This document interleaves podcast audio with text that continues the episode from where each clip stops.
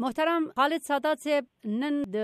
افغانستان د سولې د عالی شورا مشر محمد کریم خلیلی وینا کړې ده په دې وینا کې دا خبره کړې ده چې په دې روحیه د طالبانو سره سوله چې طالبان د تسلیم شي صحیح خبره نه ده نو د دې لپاره باید دغه روحیه بدله شي کنه وي خبرې پرمختګ نه کوي دغه روحیه د بدلیدو لپاره شرایط مساعد دي دا به څومره عملی شي د طالبانو سره د خبرو اترو او د مذاکراتو پخوانۍ لړۍ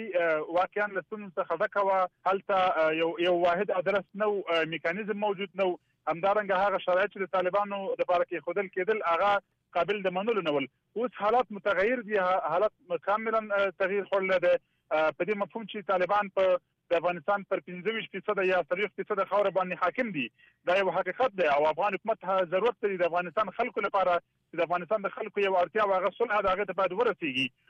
په عین زمان کې هغه شرایط چې هغه قابل د منلو نه دي باید له منځه ولاړ شي اما دغه تعامل به دوجانبه وشي که دغه نظریات د طالبانو د لوري یا هغه اوسنۍ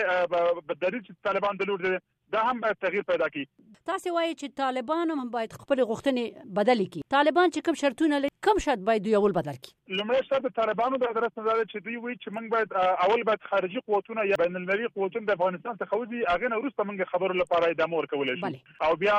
موږ خبرې کوو اوس دلته یو تضمین موجود نه دی چې کچې ته بین المللي قوتونه یا خارجي قوتونه د پتن افغانستان څخه وځي د دې امکان او د دې تضمین څوک ورکول شي چې د کورنیو جګړو ښکیلتیا یا مثلا د وسلې نظام څخه د یو بتر نظام شتون او په داسې حالاتو باندې غور کول چې هیڅ تضمین وجود نه لري چې ودې کولای شي طالبان بیا خبرو ته راځي یا نه راځي نو بنان دا د افغانستان د حکومت د افغانستان د خلکو لپاره دا یو غټ سوال دی چې داسې مبهمه غوښتنه طالبان د درسته باید نرم شي یعنی دوی باید لمړی خبرې پیل کړي او د خبرو په جریان کې باید د نړیوالو قوتونو د خارجېدو ادعا کولای شي خا یعنی د دې ادعا نه طالبان باید تیر شي او حکومت خو هغه د سولې شورا خو دا خبره کړې خا یو بل سوال او هغه دا چې فکر کوي چې د سولې په شورا کې چې څومره غړي دي او ټولو وظیفه او کار دا دی چې دوی دغه دریس چې د سولې شورا لري د دې د عملي کېدو لپاره کار وکړي فکر کوي ټول به په یو نظر دا به عملی شي اوسنی شکل اوسنی ساختار د سولې سره نسبتا نرم دی نسبتا ملایم دی او دغه تغیرات او دغه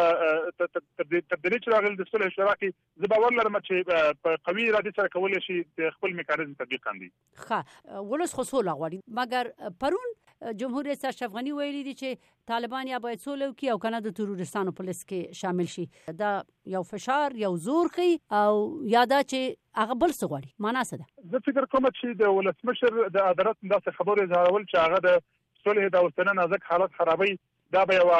ښه مناسبه غوښتنه نه وي بنان کې طالبانو سره صلح کیږي باید د جګړې اړخ کمزور شي په دې مفهوم کې چې د ولسمشر طالبانو سره د سولې غوښتنه کوي او که سولې بیا نه قبلي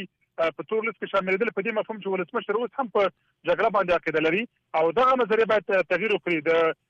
صلح شورا د رئیس خبرې یو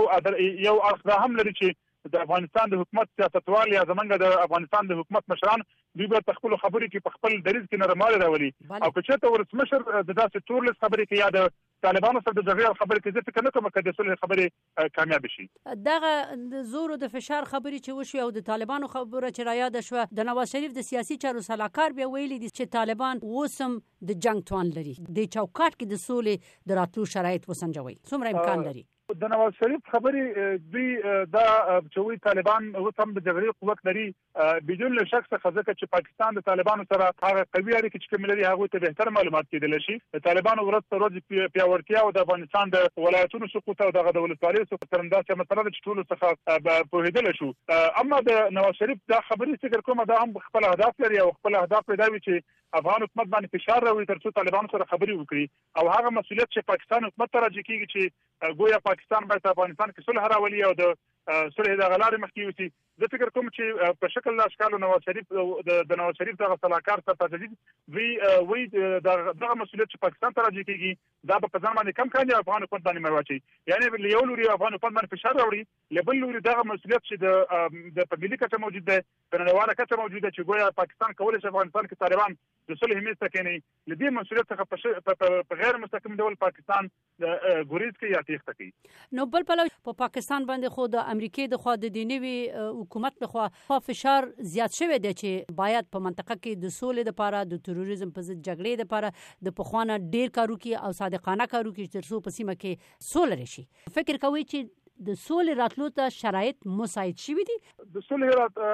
راتګ لپاره په مطلق شکل یا په مطلق ډول لبد مرغه چې شرایط نه آماده شوي یو دغه حقیقي حالت یعنی د افغانستان خلک طالبان حکومت ته هغه څه د حماسو دي چې غواړي چې بل اخر صلح وکاندي ولی هغه څه چې په نړیواله بات کې په سیمه بوت کې موږ د پاکستان د درن تعریفو پاکستان تر اوسه پورې هغه صادقانه رول نه دی لوبول چې موږ ورڅخه تمه لرو پاکستان تر اوسه پورې په هغه صادقانه رول کې نه دی پات شوی لکه څنګه چې امریکا ورڅخه غوښتنه کوي یا نړیواله ټولنه ورڅخه غوښتنه کوي په پایانه زمانه کې د افغانستان سره په دې د ډیورند په کرښه باندې هغه سي حرکت تر سره کوي چې د سره لپاره صدمه رسي نو په دې صورت کې د خلیلی صاحب دغه وینا به څه ګټه وکړي چې د پاکستان دا دریزي د خلیلی صاحب خبرې فکر کوم چې د طالبانو لپاره یو ښکارا پیغام ده د افغانستان د خلکو لپاره ښکارا پیغام ده او په رواني شکل کولای شي یا په ذهني شکل کولای شي د طالبانو په دریځ کې نرموالی راولي ځکه طالبان ته یو شین چراغ ښودل کیږي چې افغان حکومت په تیرو څو کالو کې چې 2010 کال کې دغه سولې شورا جوړ شوی تر نن پورې په غلطو قاعدو روان او لدې څخه موږ وروسته غواړو چې په خپل دریځ کې نرموالی راولو دا داخل د افغانستان کې په داخل د افغانستان په جغرافیه کې یو مثبت پیغام لري یو لاسرونه درلودل شي ولې د پاکستان پر وړاندې فکر کوم دا خبرې کفایت نه کوي هلته افغانستان به تنړیواله کچه باندې لابي ګری وکړي د امریکا په داخل کې دغه امریکا چې کومه اوسنۍ اجنډا روانه کړې د پاکستان پر وړاندې دا باید د افغانستان د ادرس نه د ډیپلوماټیکو د لارو او زمونږ د افغان حکومت چې هغه نمایندګان دي هغه په خپل په امریکا کې د امریکا په داخل کې د افغان حکومت نمائندګان د سفیر د ادرس نوول چې تاسو تر په خپل په کانګرس کې باید موږ را بګیری وکړو تر څو څنګه کولای شو دا اوسنۍ اجنډا د امریکا دا به تقوا شي او د تبادل ملاتړ موږ افغان حکومت ورکول شي د پاکستان پر وړاندې اما یوازې د کریم خلیلي څخه خبرې دا کفایت نشي کولای بلکې دا باید په ملي په د د په سیمه ییزه کچه په نړیواله کچه موږ ځان سره د لابیګري پر اساس باندې پاکستان پر وړاندې مخکې لاړ شو ډیره زیاته مننه د سیاسي چارو کارپو سادات صاحب ستاسو د کور وداني